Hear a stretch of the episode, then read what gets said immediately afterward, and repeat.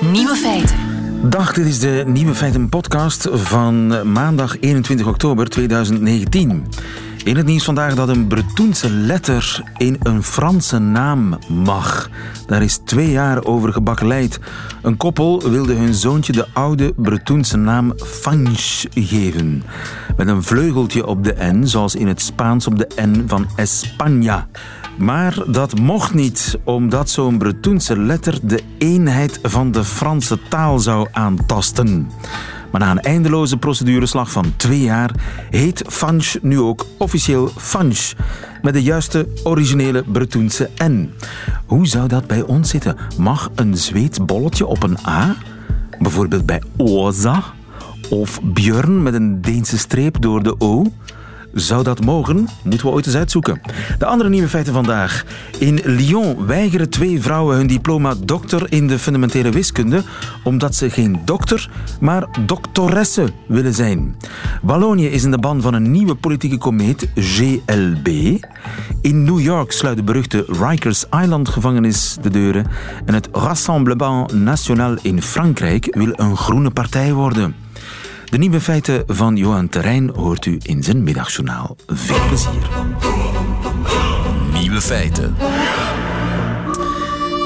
Het is misschien een van de beruchtste gevangenissen ter wereld en ze gaat dicht. Rikers Island in New York eh, in 2026, zo heeft de gemeenteraad van New York beslist, gaan de deuren van de gevangenis definitief toe.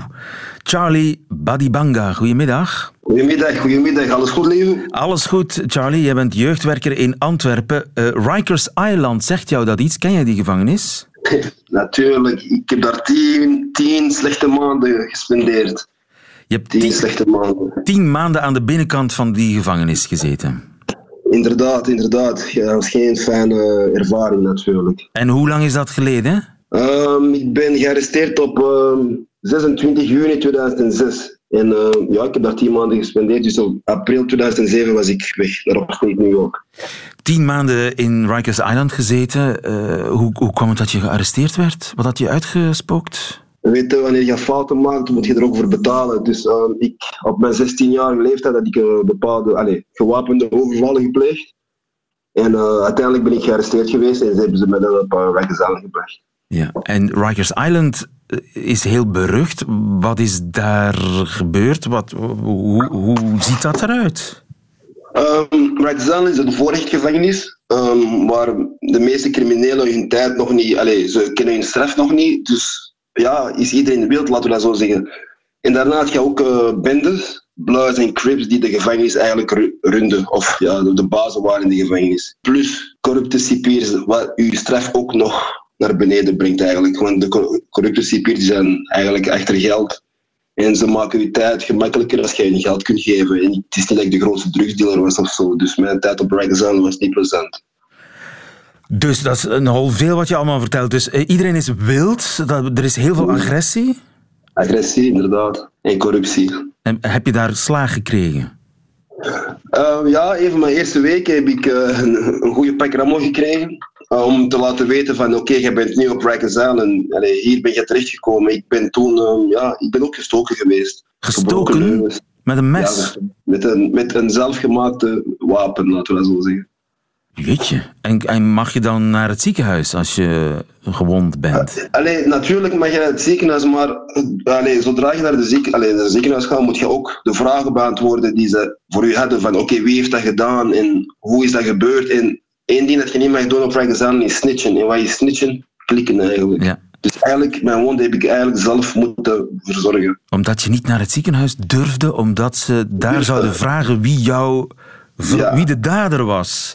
De En je had dat moeten zeggen, en als je dat gezegd had, dan. eh, ja, wat Ja. dan? Wat zou er dan, Dan gebeurd je- zijn? Allee, je moet sowieso terug naar van waar je kwam. Dus dan, als je de dader zegt, komen ze de dader ook halen. Dus met andere woorden, dan weten ze dat je hebt geklikt. En niet alleen dat, ik heb ook mijn neus, bijvoorbeeld Cipier heeft mijn neus gebroken. Ik ben ook naar het ziekenhuis gegaan. Allee, En toen ben je wel dus- naar het ziekenhuis gegaan. Nee, helemaal niet. Ik ga toch niet op een Cipier klikken, misschien gaat hij me vermoorden. Die cipier was in staat geweest om jou te vermoorden. Als ik hem op hem had kunnen klikken, ja. Maar dat heb ik nooit gedaan. Weet je, één ding, een code, don't snitch, klik niet. Oké, dat is regel nummer één. Don't snitch. Regel nummer één. Don't En snitch, er ja. zijn eh, bendes. Klopt. En wat doen die bendes? Eigenlijk, de benden vormen een soort oppressie tegen elkaar. Van wie is de grootste bende? Ehm, ja, wie heeft de meeste leden en zo. Dus ik was Blood en mijn, de vijanden waren de Crips. En zo ben ik eigenlijk ook neergestoken door een Crip. Oké, maar dat is eigenlijk gewoon tijdverdrijf. Want Ja, eigenlijk wel. die bendes zelf hebben die doen niks. Die, of die verhandelen drugs. Of... Weet je wel, eh, jawel. Allee, jij hebt, jij hebt ook allee, jij hebt de bazen, jij hebt de soldiers, dus allee, de soldaat, laten we dat zo zeggen. En ik was niet een baas of zo. De bazen, geloof mij, de bazen daar, allee, die zijn bezig met andere dingen. Hè. Die zijn, dat zijn niet zomaar mensen die in de gevangenis zitten en liggen te slapen. Nee, zij, zoals u hebt gevraagd, zij onderhandelen bepaalde dingen in de gevangenis en ze maken geld in de gevangenis met cipiers en dergelijke. Ja, want die cipiers die zijn corrupt, die spelen alles mee Ja. dan. Ik speel alles mee. Natuurlijk heb je ook correct. Allee, ik ga je niet zeggen dat het 100% corrupt was, hè, helemaal niet. Maar sowieso 30%. Die, allee, 30% van de CP's die waren sowieso corrupt. Ja, ja. Dus eh, het, het is eh, totale anarchie. Alles Mhm. kan, behalve ontsnappen. Ja, allee, weet je, ontsnappen in New York. Allee, je kunt zelf een uur, bij, allee, een uur van de gevangenis zijn. Je krijgt automatisch zeven jaar als je ontsnapt. Automatisch. Maakt niet uit dat je misschien 10 meter ver bent geraakt. Automatisch krijg je zeven jaar als je ontsnapt in New York. Ja. Dus dat is plus de tijd dat je al aan het doen bent. Dus niet iedereen denkt erop aan ontsnappen. Tenzij je misschien 150 jaar hebt of zo. En heb je een beetje privéleven? Ik bedoel, je hebt daar tien maanden doorgebracht. Heb je een celletje? Heb je je eigen spullen? Heb je, heb je iets van jezelf? Ehm, eerlijk, privé, allee, privé is het niet meer zo dat je in de gevangenis belandt. Maar allee, hangt vanaf ook wat uw statuut was. Want ik ben gekomen voor gewapende overvallen. En dat is een gewelddadige feit. Dus ik ben begonnen in een eigen cel. Want ze hadden maximum security prison. En dus dat is een eigen cel. En hoe beter jij het doet, eh, hoe minder je statuut wordt. En dan verhuis jij gewoon in een dorm. Dat is eigenlijk een huis met bedden en een living bijvoorbeeld. Ja. In mijn eerste jaar heb ik in een cel doorgebracht omdat ik een gewelddadige feit had. Maar eh, na een jaar of twee is dat verminderd. Ben ik naar een, cel, eh, naar een dorm mogen gaan. En daarna ben ik een paar dingen beginnen uit te spoken en terug naar een cel moeten gaan. ja. En hoe lang heb je daar gezeten? Op Rikers heb ik tien maanden gezeten. Maar in het algemeen heb ik vijf jaar en twee maanden gezeten. Ah ja, Eh, allemaal in Amerika. Ja, allemaal in Amerika. Ik heb, ik, heb zeven, ik heb zeven verschillende gevangenissen gezien in New York State. Oké. En eh, Rikers Island was echt het ergste. Voor mij wel. Waarom? Want je komt binnen in Gladiator School. Je moet je al bewijzen. En ik, eerlijk gezegd, het is niet dat ik daar ben gekomen. Ik was een gangster of zo. Nee, ik moest me aanpassen. En dat is, dat is verschrikkelijk. Allee, ik ben 16 jaar. Ik, ik heb geen enkel familie in New York. Dus ik kom daar terecht met moordenaars. Alle soorten dingen. En dat is niet hetzelfde als de straat. Want op straat kun je zogezegd weglopen. Daar zit je vast. En heb je daar vriendschappen aan overgehouden? Oh, natuurlijk, natuurlijk. Allee, zoals u kunt zien, vandaag ben ik een, een, ik probeer een voorbeeldige persoon te worden. En iedereen die ook heeft vastgezeten, wanneer ze vrijkomen, proberen ze zich aan te passen en een goede persoon worden. Dus ik heb een paar vrienden leren kennen, met wie ik nog tot deze dag contact heb zelf. Ja. Want er is eh, fysiek geweld, er is ook psychisch geweld, neem ik aan. Hoe zit het seksueel? Ehm, eerlijk gezegd nog iets. ehm, en ik, allee, ik was een deel van een bende, Bloods. En een van de regels was bijvoorbeeld ook, eh, met alle respect, hè, het is niet dat ik dat verkeerd bedoel, maar een van de regels was: don't intercourse with gay contacts. Dat, was wat ik was eigenlijk. Maar je had wel cipiers die soms wel seks hadden met, met eh, gevangenen. Maar dat was in de andere bende, dat was niet in jullie bende. Nee, nee, nee. Ik bedoel, geloof mij, ook in mijn bende waren er mensen die dat wel deden. En die mensen werden meestal gestraft op een bende manier. Maar eh, de bedoeling was eigenlijk om dat niet te doen. Ja, ja. Ja, Ik, ik haat over zo'n dingen praten, want dat is precies dat ik wil een bashen. Ik bash helemaal niet. Ik, heb, ik ken mensen die voor dezelfde seks vallen en zo, en geweldige mensen zelf. Maar in de gevangenis, dat mocht niet. Eh, En dat is ook strafbaar trouwens. Ja, ja. Nu, eh Rikers Island gaat dicht. Geen dag te vroeg wat jou betreft? Hell no. Nee, helemaal niet. Helemaal niet. Eerlijk gezegd, kijk, er zijn manieren om mensen te straffen en zo. Maar hoe zij precies om, allee, 16 jaar bijvoorbeeld, hoe kun je terechtkomen met volwassenen? Dat is, dat is één ding dat ik nooit ga kunnen snappen. Ja. Maar uiteindelijk ze willen van u een voorbeeld maken, maar dat is niet de juiste manier, vind ik. Ja. Charlie Badibanga, dankjewel voor je verhaal. Goedemiddag. Ja, fijne dag nog. Jo, dag. Nieuwe feiten. VDB ken ik, DSK ken ik ook, maar nu is er in Franstalig België plots ook GLB. Georges-Louis Boucher. Hij is kandidaat-voorzitter bij de MR. Vous savez que je suis très investi euh, euh, en politique depuis maintenant euh, pas mal d'années. J'ai parcouru l'ensemble des sections du MR ces quatre dernières années comme délégué général. Et donc, bah, voilà, je trouvais que je pouvais être utile à cette fonction. Donc, euh, j'ai décidé de m'y engager. Hij heeft besloten om zich te smijten als kandidaat-voorzitter bij de MR. Dag, Christophe de Borsu. Dag, lieven van de Noten. Goedemiddag. Uh, jij bent onze Wallonië-watcher. Die uh, voorzittersverkiezingen bij de MR zijn pas over drie weken. Maar eigenlijk is nu al duidelijk dat hij het wordt. GLB. Wie is hij? GLB heeft inderdaad uh, gewonnen. Hè. Iedereen gaat ervan uit. Hij heeft de steun van alle barons, zoals men zegt. Alle kopstukken van de MR.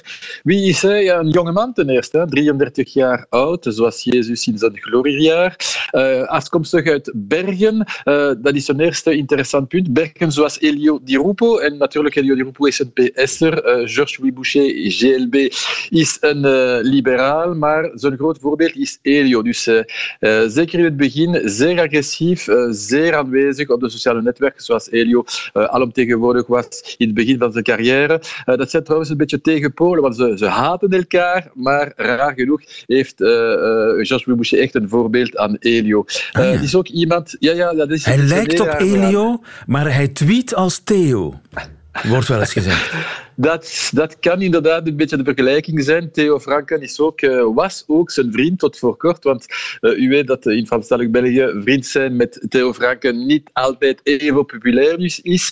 Dus een paar, één jaar geleden heeft hij uh, in een krant laten optekenen. ja, ik kom heel goed overeen met Elio. Maar ik heb hem in mijn debatprogramma op RTL verleden week gehad. En hij heeft afstand duidelijk genomen van Theo, Theo? Franken. Ja. Van Theo Franken, absoluut. Ja. Van Theo en niet van Elio. Ja. Sorry voor het misverstand van Theo Franken natuurlijk. Uh, want uh, dat is uh, een beetje een riskante, riskante vriendschap. Ja. Dus ja, dat is een zeer moedige man ook. Hè. Dat is, zijn bekendheid heeft hij te wijten of te danken aan het feit dat de MR-voorzitter tot voor Charles Michel, namelijk Olivier Chastel, nooit naar debatten wilde komen. Hij was ook nooit vrij op zondag. Hij kwam nooit op tv. En dus een plaats moest ingevuld worden. De MR moest natuurlijk iemand hebben in al die debatten. En Louis Georges Louis Boucher is altijd in zijn plaats gekomen. Dus is hij feitelijk de woordvoerder van de MR geworden. Uh, dat is iemand die zeer gemakkelijk praat, die communicatief uitstekend is. Zodanig dat hij dus een bekendheid heeft opgekrikt daardoor. En hij is nu uh, inderdaad de bekendste kandidaat. En ook met die steun uh, is hij zeker van overwinning. vanuit Vlaanderen kijken wij naar de MR als een partij waarin twee kampen zitten. Het kamp Michel en het kamp Reinders. Ja. Zit hij in een van die twee kampen? Ja, dat is ook een, een van de talrijke voordelen van Georges-Louis Boucher. Dat hij uit de twee kampen komt. Hij is begonnen op het kabinet van uh, Didier Reinders. Hij is jurist van opleiding, hè, trouwens Reinders ook. Hij is dus begonnen daar, bij Reinders. Maar uh, nadien is hij uh, zeer close bij Michel geweest, door inderdaad het feit dat hij de, de ja, feitelijk woordvoerder van, van de partij was, zodanig dat het voor Michel super interessant was om zo iemand te hebben die hem ja. quasi vertegenwoordigde in alle debatten. Dus is hij dicht bij de twee mensen, wat natuurlijk ook een supergoeie troef is. Ja, en waar hij politiek voor staat, dat laat ik hem zelf eens uitleggen. Projet bien défini sur la ligne politique, revenir vraiment au fondement euh, du libéralisme, qui n'est pas euh, de la droite conservatrice, mais qui n'est pas non plus euh, un ersatz de parti de gauche. C'est vraiment le libéralisme, c'est-à-dire la possibilité pour les individus de prendre leur vie en main, d'assumer leurs responsabilités aussi, et d'avoir ce qu'on appelle l'égalité des possibles. La difficulté, c'est qu'aujourd'hui, il y a des gens qui ne peuvent pas poser les choix qu'ils souhaitent dans leur vie, et ce n'est pas quelque chose dont on peut se satisfaire. Deuxième élément, sur l'organisation du parti, avec plus de présence de terrain, plus de débats internes et aussi plus de prise en compte de la vie des militants, mais aussi euh, des élus locaux dans la, la, prise de décision et la communication externe. Vlotte babbel, dat in elk geval. Hoe is zijn Nederlands overigens? Ja, hij is beweerd hij zegt dat hij goed Nederlands spreekt. Ik heb hem dat nooit horen doen, dus ik, ik weet het dus niet. Is ook iemand die, die enorm veel rariteiten heeft. Dat zou de eerste partijvoorzitters zijn met tattoos. Uh, het is ook iemand die een beetje uit het niks komt, hè, wat ook een, een supergoeie troef is. namelijk, hij is geen zoon van. zijn ouders hadden een elektrozaak. ze, ze verkochten stofzuigers, tv-toestellen. En ze hebben de crisis gekend toen bijvoorbeeld de mediamarkt op de prop is gekomen. Dus hebben ze een beetje van, van alles gezien, wat ook uh, zijn bescheiden afkomst natuurlijk een beetje in de verf zet, wat natuurlijk voor hem heel handig is. Hè. Ik kom uit een bescheiden afkomst, dat, dat zegt hij heel vaak. Maar dat is ook iemand die super efficiënt en super communicatief is, zoals, zoals je zegt. Hè. Lieve, een, een anekdote, als ik nog tijd heb, anders... Absoluut, ga ervoor. uh, dus ja, vorige week had de MR in Namen, dus de liberale in Namen, een uh, cruise-tocht georganiseerd, een beetje als teambuilding. En ze wilden absoluut niet dat op de boot zou komen om campagne te voeren. Ze wilden gerust zijn en samen gezellig eten en ja, Laten we het gezellig houden, geen politiek. Voilà. Absoluut. En wie komt er aan de sluis van La Plante? Ze gingen dus richting Dinant. De sluis van La Plante is de eerste sluis na Namen. Georges Louis Boucher die had horen zeggen dat er inderdaad zo'n cruise uh, aan de gang was. En hij is dus gekomen, op de boot gekropen, een beetje verzet van de mensen, maar die dan uiteraard toch hem hebben binnengelaten. En heeft daar campagne gevoerd gedurende twee uur op een briljante manier. Ja, je bent liberaal of je bent het niet, hè? hij is dus uitstekend, terwijl de anderen zich uh, inderdaad gehouden hadden aan het verbod. Hij dus niet, maar zijn, zijn, uh, ja, zijn lef uh, ja, zal hem opnieuw stemmen opleveren. Dus ja, hij is zeker verkozen. Hij een wonderboy met lef, die politiek, ja, ergens tussen links en rechts, zou je hem, zou je hem links-liberaal kunnen noemen? Nee, nee, nee. nee. Eer, hij was eerder rechts, maar nu, uh, onlangs, is hij echt centrum-centrum geworden. Die is voor de liberaal toch iets centrum-rechts. Maar dus, uh, Franken heeft hij afgezoren, zoals gezegd. En dus ja, hij stelt zich op als een gematigde figuur, wat hij niet altijd geweest is. Een rassembleur, dus iemand die iedereen... Zie je hem in de toekomst een grote rol spelen in, in België? Dat wil hij. Hij heeft een toomloze ambitie. Uh, en waarom niet? Hij, is, hij, heeft veel, veel kaarten in handen. Dus waarom niet? Ja, absoluut. En als het Nederlands beter wordt, want ik vermoed dat het iets minder goed is dan wat hij beweert. Hè. Soms uh, heeft hij de, de, een beetje de neiging om zich een klein beetje te mooi voor te stellen. Kijk, uh, dan, dan wordt het inderdaad een grote meneer, absoluut. Het zal van zijn Nederlands afhangen. Georges-Louis Boucher, we houden hem in de gaten. Dankjewel, Christophe de Borsu. Goedemiddag. Radio 1.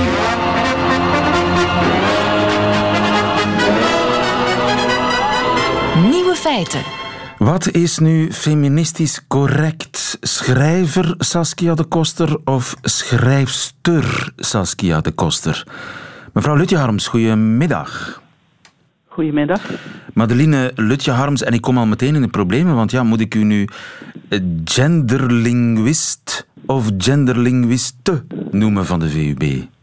Ik ben zelf voorstander van genderlinguist, omdat ik voor de neutralisering ben. Omdat op tekstniveau het gebruik van dubbele vormen heel ingewikkeld is. Maar de ontwikkeling in de verschillende talen hangt ook samen met het taalsysteem zelf. Aha, want... In Nederland hebben we de woorden en, we, en het woorden, maar we onderscheiden niet meer tussen mannelijk en vrouwelijk bij het lidwoord. Aha, dus de is uh, zowel voor mannen als voor de, de, man, de vrouw. En in Frankrijk is dat natuurlijk anders. En de Universiteit van Lyon weigert twee vrouwen een diploma te geven waarop staat doctores in de fundamentele wiskunde. En ja. uh, de vrouwen hebben nogthans hun studies met succes afgerond maar weigeren de titel dokter. Het moet volgens hen zijn doctores. En ze hebben nu een uh, open brief geschreven. U verbaast dat niet? Uh, nee, het komt vaak voor dat vooral vrouwen die feministische opinies hebben, de vrouwelijke vorm voor zichzelf willen. En dat komt ook in ons taalgebied voor. Alleen is het wel zo dat voor het Nederlands de meeste taalkundigen die feministisch zijn, voorstander zijn van neutrale vormen. Want zodra je op tekstniveau zit en je spreekt over de mensen in het algemeen, ben je als je dubbele vormen hebt verplicht twee vormen te zeggen. Ja. Waarbij de vrouwelijke vorm gemarkeerd is, dat wil zeggen dat is een speciale vorm. Die, die is ook pas veel later ontstaan in de meeste gevallen. En dus als speciaal geldt en alleen maar de inhoud brengt plus vrouwelijk. En dan krijg je hele ingewikkelde zinnen, hè? want dan moet je bij alle dokters ook doktoressen zeggen, ja, als je het in het algemeen bedoelt. Ja, ja. En, en, in dit speciale geval ben ik eigenlijk verbaasd dat die dames doctores willen. In de Belgische lijst van uh, vrouwelijke vormen voor het Frans um, is er in de eerste uitgave wordt er gezegd het is uh, le docteur en la docteur zonder uitgang. Alhoewel men vaak een e toevoegt, maar in dit geval dus niet. En zeggen ze doctores. Dat was vroeger de vrouw van een dokter. Die betekenis is wel veranderd, maar het geldt in het algemeen in het Franse taalgebied als verouderd. Aha. En in de nieuwe uitgave van de Belgische Franstaligen, um, van die lijst, daar staat dokteure. En dat is iets wat ik zelf ook in de praktijk zie, dat dat veel wordt gebruikt. Want als je dokteure neemt, dus dokter met een e erachter, dan kun je de twee vormen met de schrijfwijze combineren. Dan zie je dus vaak dokter.e en als meervoud is dokter.e.s. Ja, dan met die puntjes ertussen om het toch iets vlotter te kunnen schrijven. Maar zeg je dan madame le président? Ja, dat is de vraag. Als je natuurlijk zegt madame, weet je al dat het om een vrouw gaat. Um, maar je kunt ook zeggen madame la présidente. Toen men in het Frans, in Frankrijk dan, want Frankrijk heeft eigenlijk later dan de andere Franse taalgebieden, Canada, Franstalig Zwitserland en België, uh, die zo'n zo lijst ingevoerd. Dat was tijdens de regering Jospin. Toen wilden de vrouwelijke ministers Madame la Ministre genoemd worden. En de Académie uh, Française heeft zich heel lang verzet tegen die vrouwelijke vormen. En heeft eigenlijk pas nu recent, enfin begin dit jaar, aanvaard om vrouwelijke vormen te gebruiken. Ja, maar dus in Frankrijk is er een trend naar meer en meer vrouwelijke vormen. En, en de titel vervrouwelijken. En bij ons is het precies andersom. Ja, zoals de huidige toestand is, zijn er in Frankrijk toch ook heel veel vrouwen die niet met de vrouwelijke vorm benoemd willen worden. Maar wat je wel hebt, doordat men in Frankrijk systematisch dat verschil mannelijk-vrouwelijk grammaticaal duidelijk kan maken, ook bij de uitgangen van de adjectieven en zo. En in het Nederlands is dat niet het geval. Je hebt meestal gewoon dezelfde vorm. En in het Nederlands kun je misschien nog vaker dan in het Frans geen aparte vrouwelijke vorm uh, vormen. Uh, maar in het Frans heb je ook le journaliste, la journaliste. Maar door het lidwoord kun je het verschil maken. En dat hebben wij dus niet. Ja. En waarschijnlijk zal daarom de tendens in het Nederlands zijn dat we naar neutralisering gaan. En in het Frans naar feminisering. In het Duits is dat al veel verder uh, gegaan. Ja, daar gaan ze heel ver in het Duits. Dat, dan, ja. dat is echt extreem. Hè? Alles moet zo vrouwelijk mogelijk gemaakt worden. Bundeskanzlerin. Ja, nu heeft het Duits, en dat is een verschil met Frans en, ne uh, en Nederlands, heeft dat altijd die vorming op in. In het Nederlands en in het Frans moet je je afvragen, wat moet ik nu voor vrouwelijke vorm bedenken? Ja. Dus wij doen het eigenlijk ook voor het gemak. Ja, natuurlijk. En Ja. wat je hebt met ongebruikelijke vormen, die aanvaarden we niet graag. Ja. Als, als je nu neemt een woord als naaister, dat is een normale vorming van de stam van het werkwoord met de uitgang stur. En we hebben ook de uitgang er dan voor mannen. Maar naaier klinkt voor ons gek omdat we dat niet gebruiken. En actrice, zangeres, dat zijn wel heel courante woorden. Gaan die dan verdwijnen? Gaan zeer feministische zangeressen zich ooit zanger noemen? Ja, dat is moeilijk te zeggen als je het Nederlands vergelijkt met het Engels. Wij zeggen nog altijd vriendin. In het Engels zeg je friend. Ja. Daar is geen vrouwelijke vorm meer. En ja, taal verandert niet zo snel, verandert wel altijd. Maar in het Nederlands, voor het Nederlands heeft de taalunie de positie gekozen om te zeggen... We bevelen niks aan. De mensen kunnen gebruiken wat ze willen. En ik vind dat een heel terechte beslissing. Want we hebben de neiging om bepaalde vormen gek te vinden. En dat is eigenlijk vooral omdat we, ze, omdat we er niet aan gewend zijn, omdat ze nieuw zijn. Het Nederlandse neutraliseert en uh, mannelijke titels en mannelijke beroepen zijn eigenlijk neutraal, zowel voor mannen als voor vrouwen.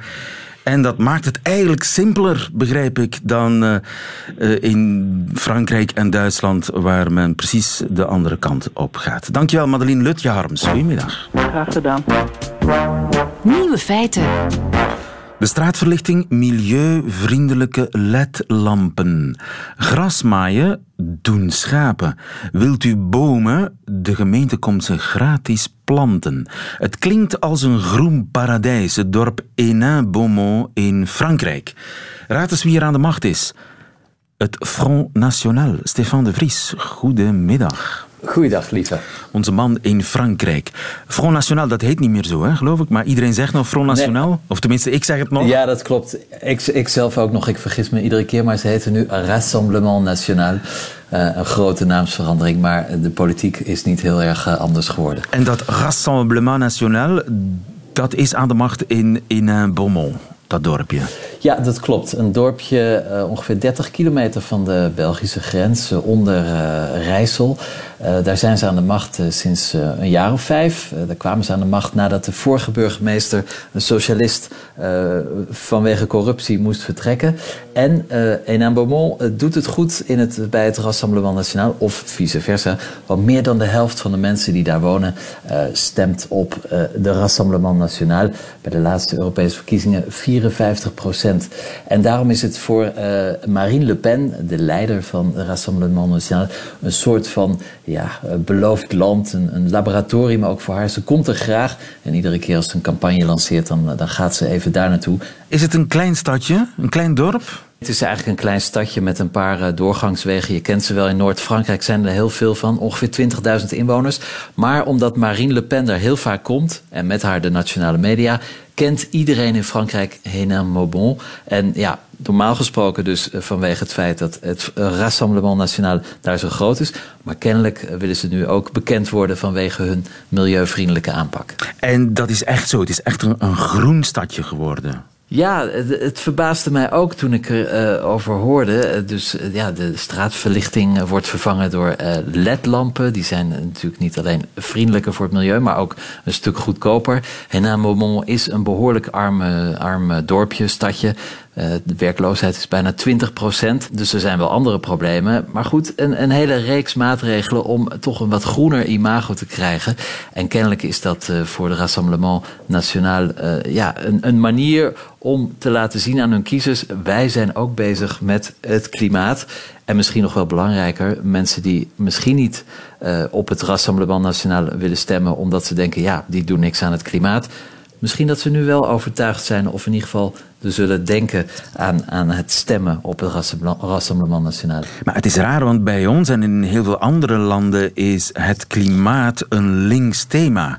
Ik zie Vlaams Belang bij ons nog niet zo snel pleiten voor de sluiting van de kerncentrales of voor een, een CO2-tax. Ik zat even te lezen in het programma van de NVA. Uh, die hebben toch ook een belangrijk uh, uh, hoofdstuk op hun website over milieu en klimaat. Een gezond leefmilieu is essentieel, zeggen ze. Ze willen ook minder vervuilende stoffen. Dus misschien is er toch iets aan het veranderen. Als je naar Nederland kijkt, bijvoorbeeld de PVV van Geert Wilders of Forum voor Democratie van Thierry Baudet. Die zijn nog niet in dat stadium. En ook de AFD in Duitsland, die zijn nog heel erg inderdaad van ja, het milieu is, is voor links gekkies. Uh, het is een hobby.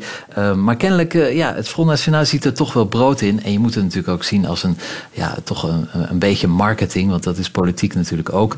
Um, de Groenen hebben het heel goed gedaan bij de laatste Europese verkiezingen in Frankrijk. En ja, misschien valt daar toch wel wat te halen, moeten ze denken bij het Rassemblement National. Ja, maar dat is dus uh, nog een voorspelling, dat is nog een gok. Het is niet zo dat al duidelijk is of die strategie ook werkt, die vergroening van extreem rechts? Nee, nog niet. Het is alleen nog maar in Henin-Beaumont. Uh, dus andere steden waar Rassemblement National aan de macht is, uh, hebben nog niet deze politiek. Komende uh, maart zijn er gemeenteraadsverkiezingen uh, in de 36.000 gemeentes die uh, Frankrijk telt. Um, dus misschien dat in die campagnes toch af en toe wel wat stadjes zullen praten over um, ja, vergroening van hun politiek. Eigenlijk is het ook niet zo heel erg gek als je erbij nadenkt, want het Front National of Rassemblement National is altijd heel erg bezig geweest met het terroir, hè, het land waarop je woont. Dat is natuurlijk belangrijk. ze zijn ook groot in heel veel rurale gebieden. Um, en dat land moet natuurlijk beschermd worden. Uh, zeker ook als je je eigen ras wil beschermen, dan wil je natuurlijk niet dat het land verdwijnt waarop die mensen wonen. Uh, dus het, het is, is, eigenlijk wel een beetje logisch dat uh, nu ook een extreemrechtse partij zo'n voormalig links onderwerp als het milieu verwerkt in zijn partijprogramma. Maar het blijft vooralsnog beperkt tot uh, Henan Beaumont. Zien wat het wordt. Dankjewel, Stefan de Vries. Goedemiddag. Radio 1. Altijd benieuwd. Dat waren de nieuwe feiten van 21 oktober 2019. Nu de nieuwe feiten van Johan Terrein in zijn middagjournaal. Nieuwe feiten. Middagjournaal. Beste luisteraar, laat mij u even meenemen naar IJsland. Niet letterlijk, want dat wordt te kostelijk, gewoon even in gedachten. Ik was daar deze zomer op vakantie en katapulteer mezelf nu graag even terug naar het moment waarop ik in een sauna zit en verbaasd een snee in mijn knie ontdek. Een snee waarvan ik de herkomst totaal niet ken. Het is een diepe, verse snee van een centimeter groot. Ik kijk naar mijn buurman om te checken of die dat ook raar vindt, maar de man heeft mijn snee helemaal niet in de gaten. Gelukkig maar. Als ik weer naar mijn knie kijk, word ik opnieuw in de tijd gecatapulteerd. Ver nu. Volgt u even mee in gedachten. Ik ben 12 jaar en maak enthousiast een sprong van mijn mat naar mijn bed. Daar ligt makkelijk anderhalve meter tussen. Ik heb een scherp nagelschaartje in mijn hand dat bij het neerkomen in mijn knie verdwijnt. Het doet geen pijn. Mijn broer kijkt mij vol bewondering aan omdat ik het niet begin uit te schreeuwen. Ik vind het straf dat jij niet weent, zegt hij. Ik knik naar hem alsof ik wil zeggen: vanaf nu zal het zo zijn. Ik trek het schaartje uit mijn knie en bekijk de snee. Het is diep, het rode vlees lilt. Ik vraag me af hoe lang het zou duren eer al die rode bloedcellen ter hulp zijn gesneld om de kantjes weer aan elkaar te plakken. Terug in de sauna zie ik exact dezelfde wonden als toen. Ik heb geen idee hoe ik er dit keer ben aangeraakt, maar de snee zit op exact dezelfde plek, want ik zie het litteken niet meer. Het litteken, dat mij al heel mijn leven herinnert aan mijn heroïsche sprong met nagelschaar. Aan die eerste keer dat ik als jongen niet jammerde over een pijntje, maar mij verwonderde over de snelheid waarmee ons lichaam zo'n wonde heelt. Littekens herinneren ons eraan dat we in staat zijn te genezen, van alle pijntjes. Soms duurt het wat langer, maar je geneest. Soms wou ik, beste luisteraar, dat de leuke, de gelukkige, de blije en gekke momenten ook een litteken zouden nalaten Zo'n litteken in het kommetje van je elleboog, dat je herinnert aan die eerste keer dat je een arm om een meisje legde in de bioscoop. Of op je voedsel van die keer dat je op dat keitjesstrand in Noord-Frankrijk je armen uitstrekte en je helemaal vrij voelde terwijl Heroes van David Bowie luid in je oortje speelde. Of een litteken op je oor van toen iemand waar je naar opkeek hard om je domme grap moest lachen. Een van mijn theaterpersonages schreef ooit een gedichtje. Ik zeg het graag nog eens voor u op dat het moeilijk is om pijn te vergeten, tuurlijk. Maar nog erger met het onthouden van vrolijkheid. Wij hebben geen littekens voor geluk. Wij leren niks uit vredigheid.